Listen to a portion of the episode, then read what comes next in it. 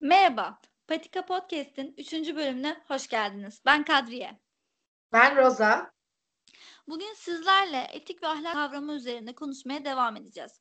Enes bugün bizimle. Merhaba Enes. Merhabalar.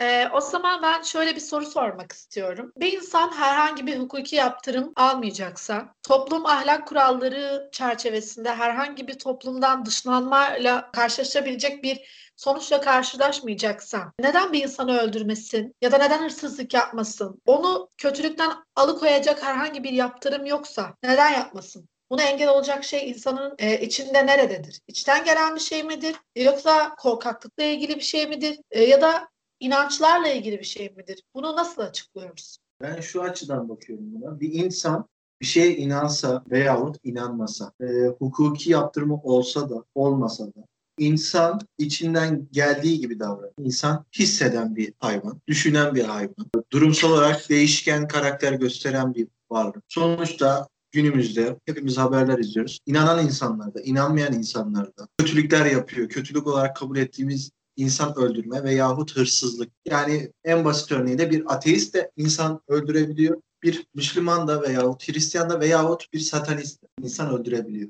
Bunu yapmayanlar neden yapmıyor diye baktığımız zaman inanan bir insan, e, bir inancı sahip bir insan ya birini öldürmemesinin nedeni inanç olarak cehennem azabından korktuğu için yani korkularına. Aynı bu insan daha önce bahsettiğim gibi cenneti düşlediği için kurallara uyduğu gibi. Ama bu insan eğer sorgulayıp ona dogma olarak ortaya konan ahlak kurallarına uyarken bunun arkasındaki amaçları anlamaya çalıştıysa bunun sonucunda e, bir insanı öldürmemesi veyahut hırsızlık yapmaması onu içselleştirip sezgiye dönüştürmesi. Çünkü insanda bu sezgiler var. Öldürmek veya öldürmemek, zarar vermek veya vermemek. Bazısı korktuğundan yapmıyor, ateiste baktığımız zaman da dedi burada his ortada kalıyor. Sezgi ortada kalıyor. Akıl ortada kalıyor. Bunun zararlı bir şey olduğunu düşünerek bunu yapmıyor veyahut yapıyor. Çünkü bu benim canımı yaktı, karşılık veriyor. Etkiye tepki diyebiliriz. Veyahut zevke de yapan var. Yamyamlığı e, Amerika'da böyle ünlü insanlar ortaya çıktı mesela seri katiller. Öldürdüğünü yiyor. Zevkine. Bu insanın tamamen sezgisel, hisse, hissiyle ortada. Yani korkuyorsa dinden korkuyor veya kanundan korkuyor veya o toplum ona zarar verecek. Korkmuyor, inanıyor bir şeye, arkasındakini araştırmış ve bunun güzelliğini görmüş, bunun bir mantığını görmüş. İnanç, biri de inanca inanmayan birine bunu anlattığı zaman inancın arkasında yüzyılların getirdiği bir bilgisel e, sonuç var ortada diye açıklayabilirsin. Yani şunu mu demek istiyorsun? Evet e, ahlaklı olmanın temelinde inançlar değil, bir takım yaptırımlar, yaptırımlar değil de daha çok e, insanın erdemli olma çabası mı önemlidir yani? Se- sezgisi mi önemlidir? Fıtratsal. Yani bu insanın kendini bu dünyada nasıl ortaya koyduğuyla ilgilidir. Kendini nasıl e, tanımladığıyla mı ilgilidir yani? Kendini nasıl hissettiğiyle mi ilgilidir? Yani ilahi ahlaklı olmak için bir inanışa ihtiyacımız var mı? Yok. İslam açısından baktığımız zaman mesela e, şimdi yaşadığımız çevrede popüler din İslam. E, ben de bunun üzerine ufak tefek dediğimiz 4 senelik bir eğitim aldığım için bu konuda İslam dininin en başında baktığımız peygamberi yani Muhammed Aleyhisselam baktığımız zaman inanç sadece değer Allah katında, yaratıcının katında değer katıyor. Ahlaki kanunlarına da inanırsan ve arkasındakini görürsen, bakarsan, içselleştirip yani sezgilerine uygulatırsan ahlaklı olursun. Dini olmayan bir insanın da ahlaklı ve iyi bir insan olabileceğini söyler hadis-i şeriflerinde. İslam açısından baktığımız zaman. Felsefi açıdan da baktığımız zaman sezgiler ortaya konur. Zaten inancı olmayan insanlarda sezgileri ve sezgilerinden algıladıkları ve çevreden öğrendikleri bilgiler sonucunda da akıl yoluyla bir ahlak ortaya koyarlar ve e, iyi insan ve erdemli insan olma yolculuğunda ilerlerler. Kendi sezgi ve akılları. Yani insanlıkta bu var. İşte bunu bazıları dine bakarak dinin içerisindeki dogma olan ahlak kuralları içerisinde sezgi ve aklını ortaya koyarak bunu anlayıp içselleştirip ortaya koyuyor.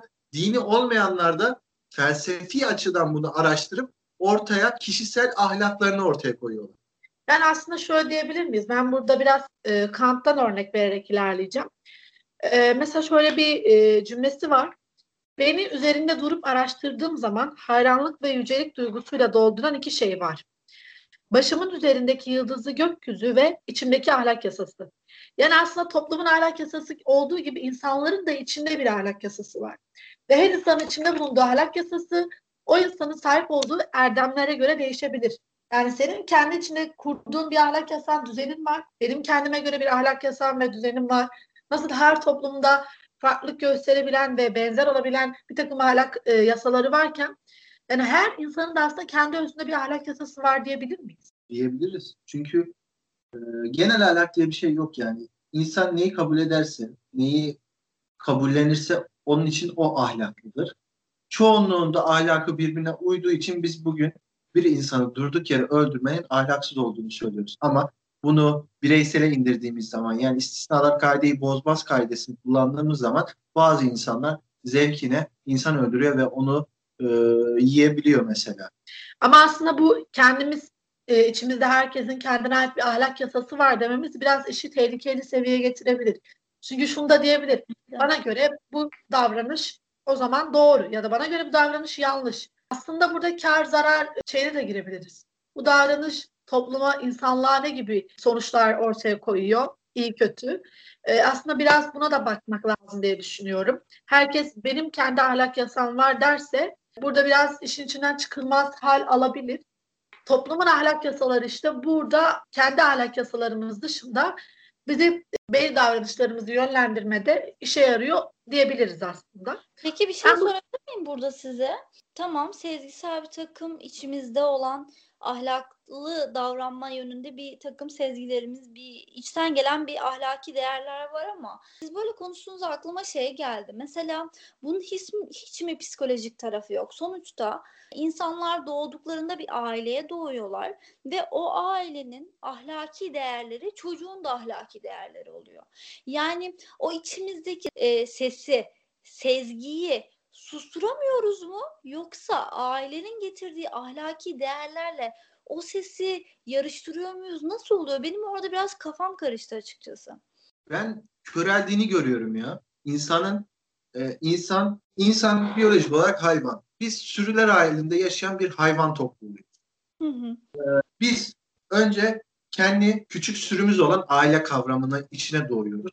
Annemiz, babamız eğer ahlak kanunlarını, kendi kişisel ahlakını oluşturmayıp belli başlı ahlakları taklit ediyor ise çocukları da doğduğu zaman ona empoze ederek kötü manada söylüyorum empoze, empoze etmeyi.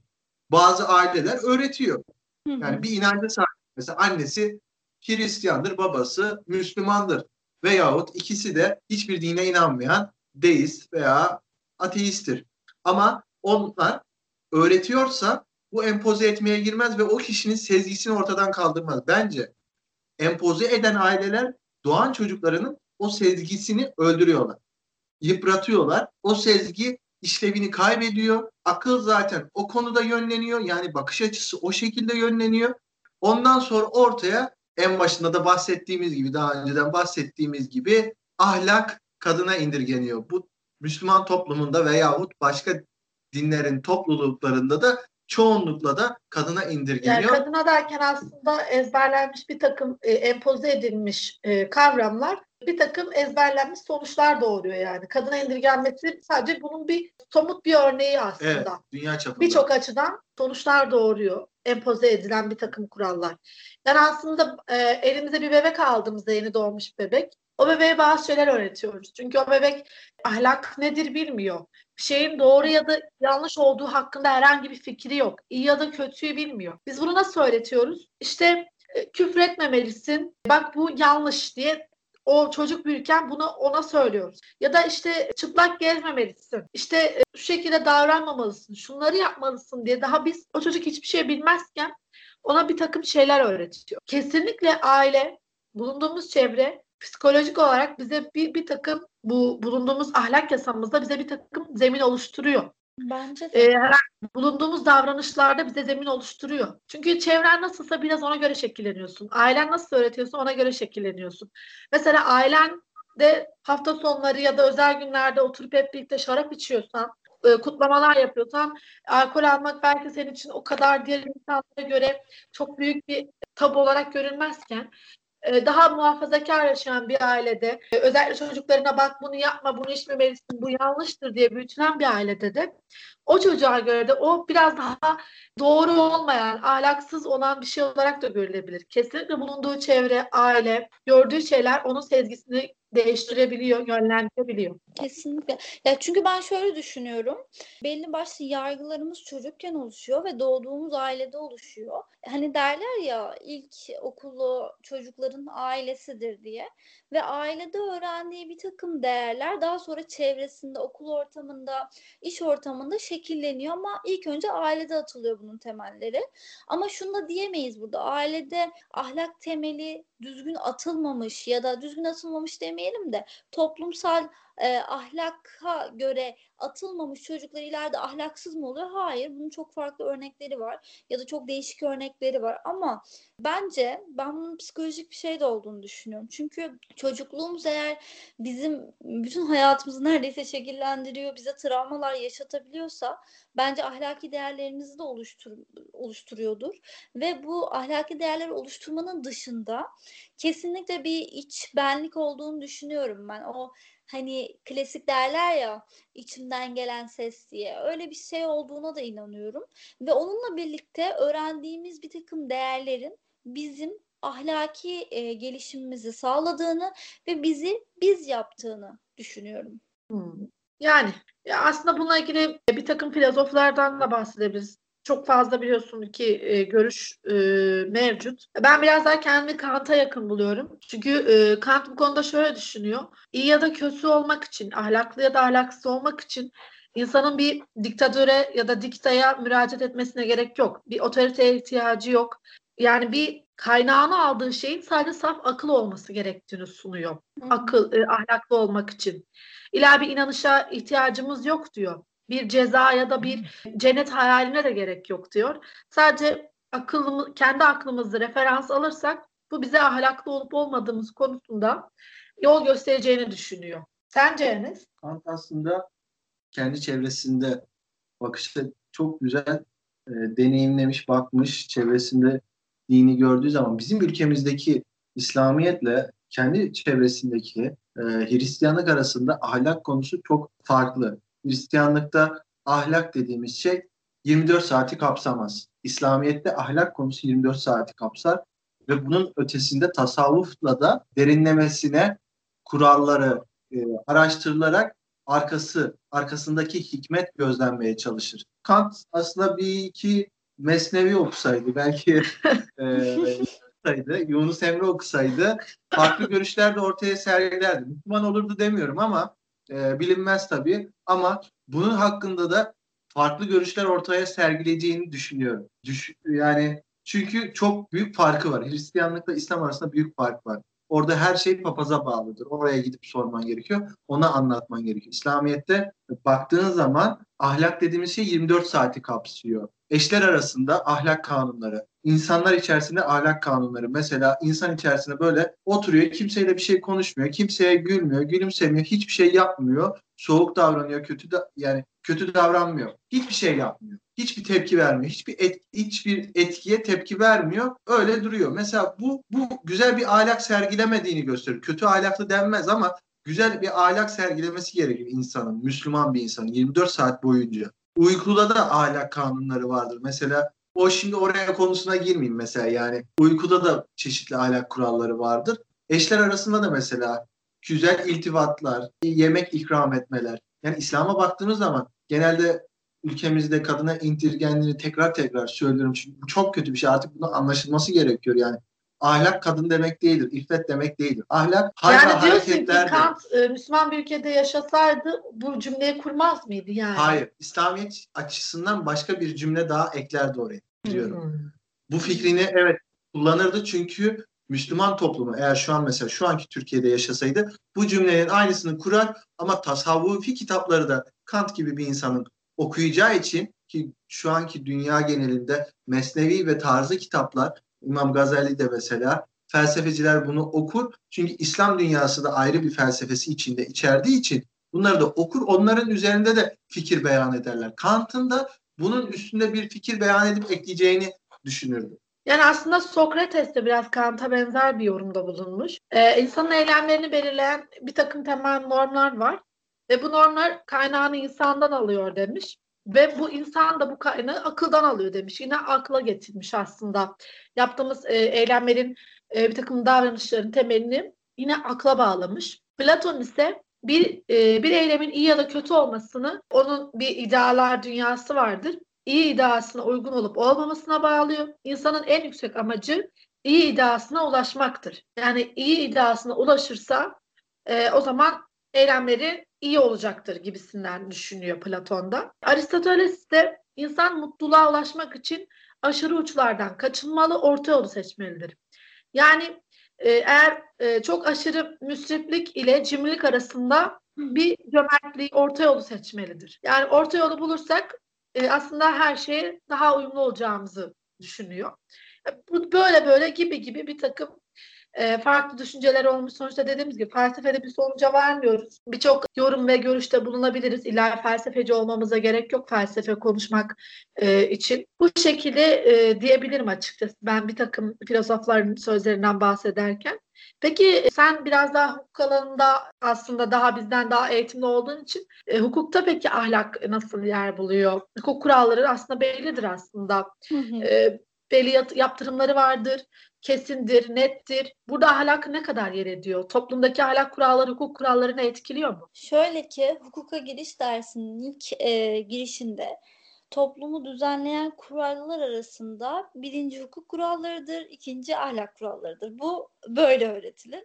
Bunun haricinde örf ve adet kuralları, işte din kuralları gibi kurallar da var ve bu süre geliyor.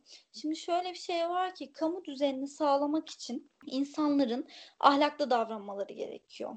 Neden? Çünkü ahlaklı davranırlarsa insanlar bu az önce de söylediğimiz gibi e, işte hırsızlık yapmazlarsa birbirlerinin can mal güvenliğine dikkat ederlerse bu konuda hassasiyet gösterirlerse aslında kamu düzeni bozulmaz. Daha huzurlu bir ortamda yaşanır, barış ortamı içerisinde yaşanır ve bu gibi ortamlarda zaten bir suç oluşmaz. Böylece de hukuk kuralları iyi bir şekilde işlemiş olur. Aslında hukuk kurallarının işlemesi için insanların ahlaki değerlere uygun ve ahlaklı davranması gerekiyor.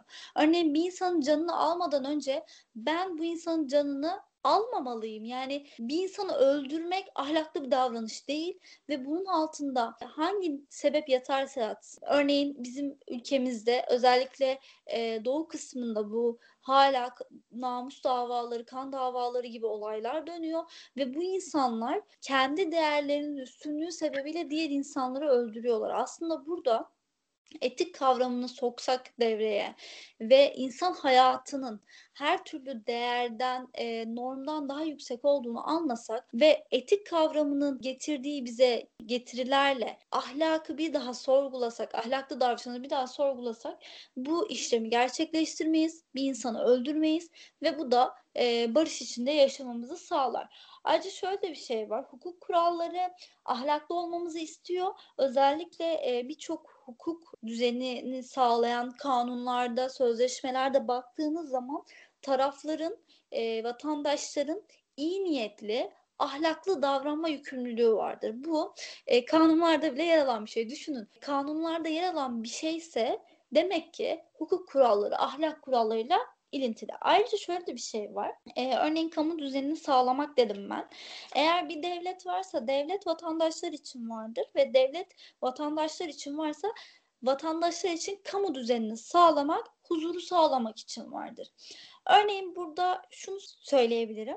Kamu düzeni oluştururken ahlaklı olunması mesela e, bir belediyeye bir işçi alımı olacak ve bu işçi alımında keyfilik yapılmaması, liyakata uygun şekilde e, adayların değerlendirilmesi, işçilerin yaptıkları iş kadar ücretlerinin tutarlı olması gibi konularda bir ahlaklılık göstergesi olsa insanlar bunu ahlakı gözeterek yapsalar zaten baktığınız zaman e, bu işçi davaları, ceza davaları ya da sözleşmelerdeki temerrüde düşme olayları hepsi yok olur ve daha huzurlu bir toplum olabiliriz. Ama maalesef ki bütün dünyada olduğu gibi bizim ülkemizde de ahlaki bir bozulma var ve bu ahlaki bozulma insanları bence daha kötü yapmaya başladı. Çünkü şöyle bir şey var. İnsanlar iyi insan olurlarsa öbür insanların hayatını, düzenini, e, can, mal sağlığını öne koyarlarsa, bunu düşünerek bir şeyler yaparlarsa zaten herhangi bir kaos ortamı oluşmaz ve güzel bir şekilde yaşamaya devam ederler. Burada şunu söylemek istiyorum. Aydın Usta e, beyefendinin kamu yönetiminde etik ve ahlak diye bir makalesi var. Bunu mutlaka okumalısınız bence çünkü ne kadar fazla aslında ahlakın hukuk kurallarına, bizim düzenimize ve hayatımıza ne kadar etkilediğini burada görmüş oluyoruz. E, o yüzden de hukuk ve ahlak bir bütündür benim e, görüşüme göre ve ayrılamaz. Ancak şöyle bir şey var ki e, ahlak her zaman genel olmuyor. Herkesin ahlak anlayışı birbirine benzer olmuyor. Ancak genel ahlak denen bir şey var. E, bu da işte hırsızlık yapmamak, insanı öldürmemek, e, hayvanlara eziyet etmemek gibi temel e, başlı başına değerler bütünü ve bu da nereye giderseniz gidin, hangi ülkeye giderseniz gidin bu gibi kavramların önemli olacağını düşünüyorum ve böylece daha iyi bir dünyanın mümkün olabileceğine inanıyorum. Eğer hepimiz gerçekten ahlaklı, e, etik e, felsefesini benimsemiş insanlar olursak zaten her şey çok daha güzel olacak ama maalesef bu Enes'in de dediği gibi sadece okumayla, üniversite okumayla olan bir şey de değil. Sanırım burada birazcık vicdan kavramı da göz önünde kendini tanımakla da e, gelişen bir şey. Bunu nasıl yapacağımızı bilmiyorum. Nasıl böyle bir bozulma olduğunu, nasıl bu kadar insanların ahlak dışında kötü olduklarını ben anlayamıyorum. Sizce nasıl düzelir bu ortam? Yani Enes'e sorayım önce. Nasıl ahlaklı bireyler yetiştirebiliriz? Nasıl ahlaklı olabiliriz? Bu toplumu nasıl düzeltebiliriz? Bu toplumu düzeltmek için evet elbette ki bunun başını çeken şey eğitim. Hı hı. Tek çare değil eğitim. Eğitimin yanında diğer küçük çareler de gerekiyor. Eğitim olmazsa olmazımız şimdi. Eğitim bilimi gösterdiği gibi yani matematik, fizik, kimya gibi ilkokul, anaokulları bunlarda yüzlerce yıllık geçmişi olan bu ahlak konusunu genel ahlak olarak her şeyde kabul edilmiş şeylerin arkasında yatan şeyleri yani arkasındaki nedeni, mantığı yatan şeyleri çocuklara anlatmamız hı. Yani ana sınıfında hikayelerle anlatabilirsin. İlkokula geçtiğinde hayat bilgisi dersinin içerisine yerleştirebilirsin. Ondan sonra orta öğretime geçtiği zaman felsefeye giriş yapabilirsin. Ama ahlak felsefesi konusunda. Çünkü diğerlerini kavrayabilecek kabiliyete gelemez genel anlamıyla. Çünkü her ortaokul aynı kapasitede insanı barındırmıyor. Düşük seviyede, yüksek seviyede çeşitli insanlar var. Lisede bunu ortaya koyabiliriz ki son dönemde liselerde galiba felsefe dersi kaldırıldı mı yoksa sadece bir dönemde iki saat şeklinde veriliyor galiba. Sanırım öyle. Felsefe dersi tam manasında verilmeye geçilmeli. Yani en azından lise 1'de net bir şekilde felsefe gösterilmeli. Lise 2'de de felsefe 2 ama bunu insanı erdemli insan artık ilkokul, anaokulları, ortaokulda ahlak yapısının mantalitesini anlatıp lisede de birinci ve ikinci sınıflarda felsefenin daha geniş açısından ortaya koyup artık sorgulamayı yani arkasındaki mantığı anlamayı öğretmeli felsefe yoluyla ve bunun yanında da erdemli insan nasıl olur? Bunu sorgulayarak öğrenmeye başlaması sağlanmalı. Yani şunu mu diyorsun? Ezberci kalıplardan çıkıp artık neden sonuç ilişkisi içerisinde ortaya koyarsak aslında çocukların ya da e, toplumdaki insanların daha iyi anlayacağını. Kesinlikle yani çocuğa kalkıp adam öldürmek kötüdür dememeliyiz. İnsana zararın kötülüklerinden zarar yani nedenini biz sonucunu söylüyoruz çocuğa ezberletiyoruz. Nedenini açıklamalıyız. Çünkü çocuk zaten o yaşlarda düşünüyor. Kafasında bir sürü soru var. Her şeyi sorguluyor. Yani çok güzel taze beyin sorguluyor zaten. Sorgulayan çocuklara biz sonuçları ezberletip sorgulama bunu diyoruz. Zaten liseye geldiğinde de sorgu meka- mekanizması ortadan kalkıyor. Lise dönemi de tam ergenlik dönemi. Tek sorguladıkları şey ailesinin ona emirleri. Hocalarının ona emirleri. Zaten sistem de hep emir üzerinde yürüyor. Emirden de kurtulmalıyız. Yani aslında burada biraz yine sistemin e, ezberci durumuna biraz değinmiş ol- oluyoruz. Çünkü Evet. yani ister istemez bir ezberci sistemin içerisindeyiz. Açıklamayı de. sevmiyoruz. Nedeni sevmiyoruz. İşte neden sonrası her zaman eğitimde bence de iyi bir yöntem diye düşünüyorum. Tabii her şeyin temeli eğitim ama nasıl ahlaklı oluruz konusu yine dipsiz bir kuyuya sokar bizi. Çünkü yine ahlak kavramı bana göre bence evrensel değil. Evrensel yasaları var ama evrensel değil. Ve bu yüzden de nasıl ahlaklı oluruz sorusu bence bu insanın sadece kendine sorması gereken bir soru. Hı hı. Sorması gereken bir soru değil gibi geliyor bana. Çünkü ben bunu e, tamam nasıl iyi insan oluruz, nasıl kötü insan oluruz ya da nasıl neler yaparsak toplum bizi dışlamaz olursa soru belki olabilir. Neler yaparsak toplumla uy- uyumlu yaşarız sorusu olabilir. Ama nasıl ahlaklı oluruz sorusu ya da nedir bizi ahlaksız yapan şey bu tamamıyla bence değişkenlik gösteriyor diye düşünüyorum. Ve ben bu soruya bir cevap veremem diyorum. Ee, Ben şunu da soruyorum. Neden topluma uymalıyız? Neden toplum bizi dışlamamalı? Bu hangi toplum? Mesela meşhur bir söz vardır. Sibirya mafyası kullanır. ee, Sibirya'da şeyde s- s- e, mafya der ki herkes hırsızsa kimse hırsız değildir. Yani toplumun tamamı hırsız. Hırsızlık yapmayanı dışlıyorlar. Hı hı. Ama şöyle bir şey var ki e, öyle bir toplumda yaşıyoruz ki farklı olduğun anda dışlanıyorsun tamam. Evet. E, İlla ki dışlanmak kötü bir şey değildir. Ama şöyle bir durum var. Topluluk içinde yaşamamız için de belli başlı noktalarda bir araya gelmemiz lazım. E bunu minimize edelim. Yani toplum tabii ki ben yaşadığımız toplumu e, yaşadığın toplum güzel bir toplumdur. Bunu demek istemiyorum. Ama yani topluma bağlı kalmamalıyız. Toplumu beğenmezsek bizim kendi ahlak kurallarımıza göre toplumu beğenmezsek onların bizi içselleştirmesi veya dışsallaştırmasını önemsememeliyiz. Toplumu kendi ahlak kurallarımıza göre, ahlak inancımıza göre önemsemeliyiz. Ya topluluk olduğumuz sürece bir takım kurallara mecburuz. Çünkü biz Yani- insanlar her ne kadar e, kendimizi çok e, yüksek akıllı, yüksek zekalı görsek de e, hatta bu dünyanın tam ortasında hissetsek de hayvansal dürtülere sahibiz. Ve bu hayvansal dürtülerle baş edebilmemiz için de kurallara, bir takım cezalara ve yaptırımlara ihtiyacımız var.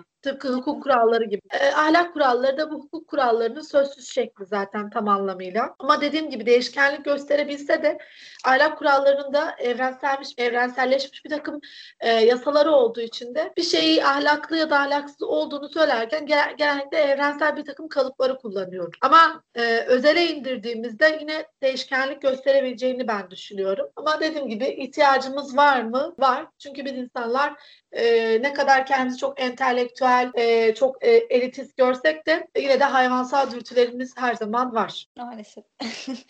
Yapacak bir şey yok. Ama şöyle bir şey var. Ne olursa Bekle. Bunu Önce. düşünmeli. Etik kavramını öğrenmeliyiz bence. Çocuklara da bunu öğretmeliyiz. Önce e, iyi insan olmayı, sonra da topluluk içinde yaşamayı öğretmeliyiz bence. Ben de bu noktada size katılıyorum. Eğer böyle olursa toplumlar gelişebilir. Hem ekonomik açıdan hem kültürel açıdan her açıdan gelişebilir. O yüzden de önce eğitim, sonra insanların kendi ahlakı ve sonra da birlikte yaşayabilme yeteneğini elde etmemiz lazım. Ne olursa olsun. Dünyada şu an kaç milyar insanız? 8 milyar mı 9 milyar mı? Ve bu kadar insan bir arada yaşayacaksak eninde sonunda bir yerde bir şekilde bir bir yerlerde toplaşmamız gerekiyor. Dokunmamız lazım. E, evet son sözlerimizi alalım.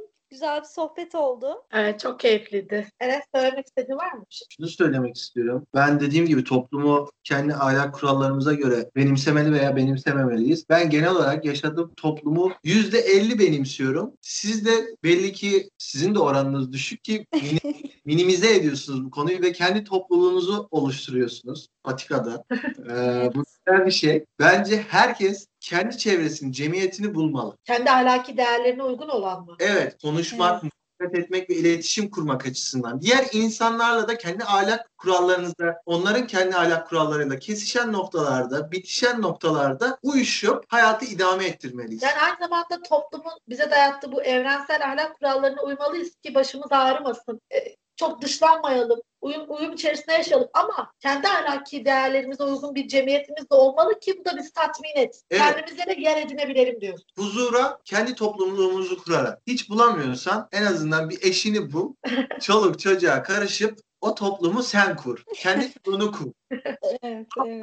sadece ahlakın konusunda kesişen, beğenmediğin noktalarda katılma. Bu sağlam karakteri ortaya koyar. Benim görüşüm. Sağlam karakterli insan bu. Güzel o zaman kendi ahlaki düşüncelerimize uygun e, bir cemiyetler kuruyoruz o zaman. Sen ne düşünüyorsun Roza? Genel bir konuş şey yapalım, toparlayalım. Yani aslında çok şey konuştuk ve söyledik. Ama kesin de ahlaklı olmak ya da olmamak, iyi ya da kötü biri olmak e, bizim bu kendimizi nasıl gördüğümüzle ilgili, bu hayat için nasıl bir duruş sergilediğimizle ilgili bir konu ve ne kadar belirli bir bir takım normlar varsa da ahlaklı e, olup olmamak ya da ahlak kavramı yine de kendi içimizde değişkenlik gösterebiliyor. Bazen toplumun ahlaklı ya da ahlaksız gördüğü çoğu şeyi ben reddediyorum. Hı hı. Bu beni ahlaksız mı yapar onu da bilmiyorum. Bana göre yapmıyor. Ee, onun için burada Enes'e katılabilirim. Kendi ahlaki değerlerime uygun çevrede yer alırsam sorun yaşamam gibi geliyor bana da. Evet, evet. Öyle, gerçekten öyle. Eğer kendin gibi insanlarla bir arada olursan zaten bir problem yaşamıyorsun. Sorun diğer insanlarla bir arada olduğunda başlıyor bence. Evet. Ben de son bir cümle kurayım şöyle. Sonuç olarak şunu söylemek istiyorum patika dinleyicilerine. Ne olur sorgulayalım. Yaptığımız hareketleri, bize dayatılanları, verdiğimiz tepkileri neden bunu yapıyoruz? Bu ahlaklı olarak gördüğümüz bir şey de olabilir, ahlaksız olarak gördüğümüz bir şey de olabilir. Bunları sorgulayalım. Kendi değerlerimizi oluşturalım. İnanın bunlar sizi e, farklı ya da kötü yapmaz. Bunlar sizi siz yapar ve eğer siz siz olursanız sizden sonraki nesiller de kendileri gibi olacaklardır ve farklılıklarla bir arada olmayı, birlikte yaşamayı öğrendiğimiz takdirde de müthiş bir topluluk olacağız ve bu topluluklarda her zaman gelişmeye, değişmeye ve güzelliklere gebe olacak. Buna çok inanıyorum.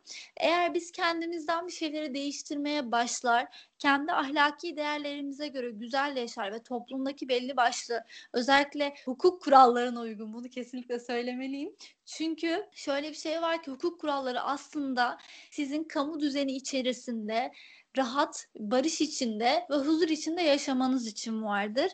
Bunları gözeterek, daha sonra ahlaki kuralları gözeterek belli başlı noktalarda toplumla aynılaşabilirsiniz. Ancak kendinizi yaratmanız sizin gelişmenizi, değişmenizi ve en önemlisi kendinize ulaşmanızı sağlayacaktır. Bunu da geçen bölüm konuşmuştuk.